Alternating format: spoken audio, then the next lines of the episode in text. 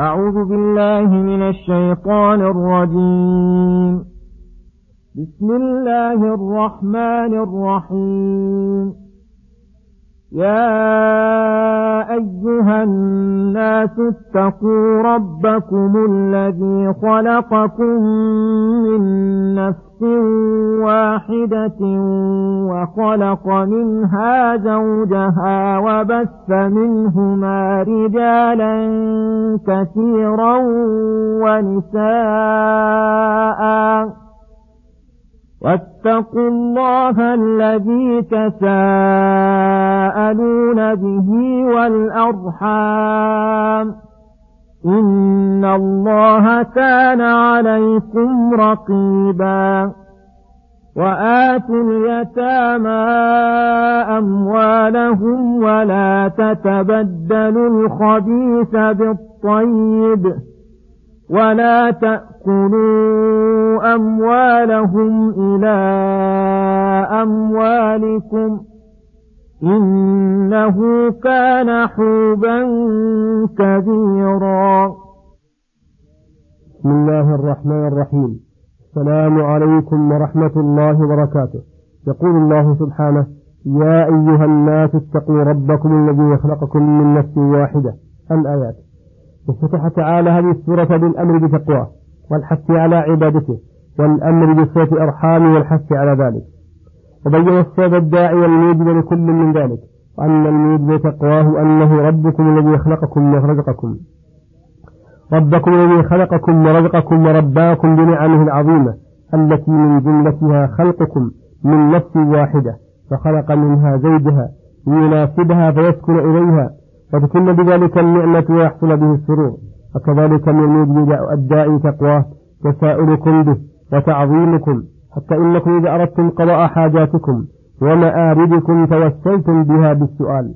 فيقول الذي بذلك لغيره أسألك بالله أن تفعل الأمر الفلاني لعلمه بما قام في قلبه من تعظيم الله الداعي ألا يرد من سأله بالله فكما عظمتموه بذلك فلتعظموه بعبادته وتقواه.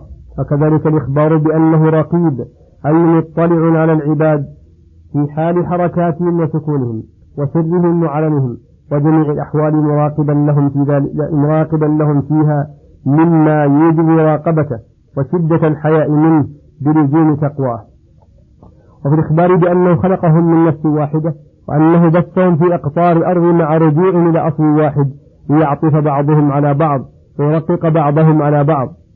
فقرن الأمر بتقواه بالأمر بذر الأرحام والنهي عن قطيعتها ليؤكد هذا الحق وأنه كما يلزم القيام بحق الله كذلك يجب القيام بحقوق الخلق خصوصا الأقربين منهم.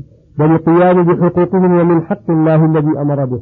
وتأمل كيف افتتح هذه السورة بالأمر بالتقوى وصية الأرحام والأزواج عموما. ثم بعد ذلك فصلها بأمور أتم تفصيل من أول السورة إلى آخرها. فكأنها مبنية على هذه الأمور المذكورة مفصلة لما أجمل منها. مفصلة لما أجمل منها موضحة لما أبهم. وفي قوله وجعل منها زوجها.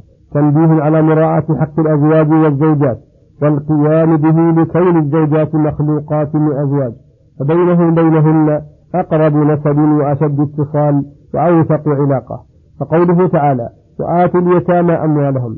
هذا أول ما أصاب من حقوق الخلق في هذه السورة وهم اليتامى الذين فقدوا آباءهم الكافرين لهم وهم صغار ضعاف لا يقومون بمصالحهم فأمر الرؤوف الرحيم فأمر الرؤوف الرحيم عباده أن يحسنوا إليهم وأن لا يقربوا أموالهم إلا بالتي هي أحسن وأن يؤتوهم أموالهم إذا بلغوا ورشدوا.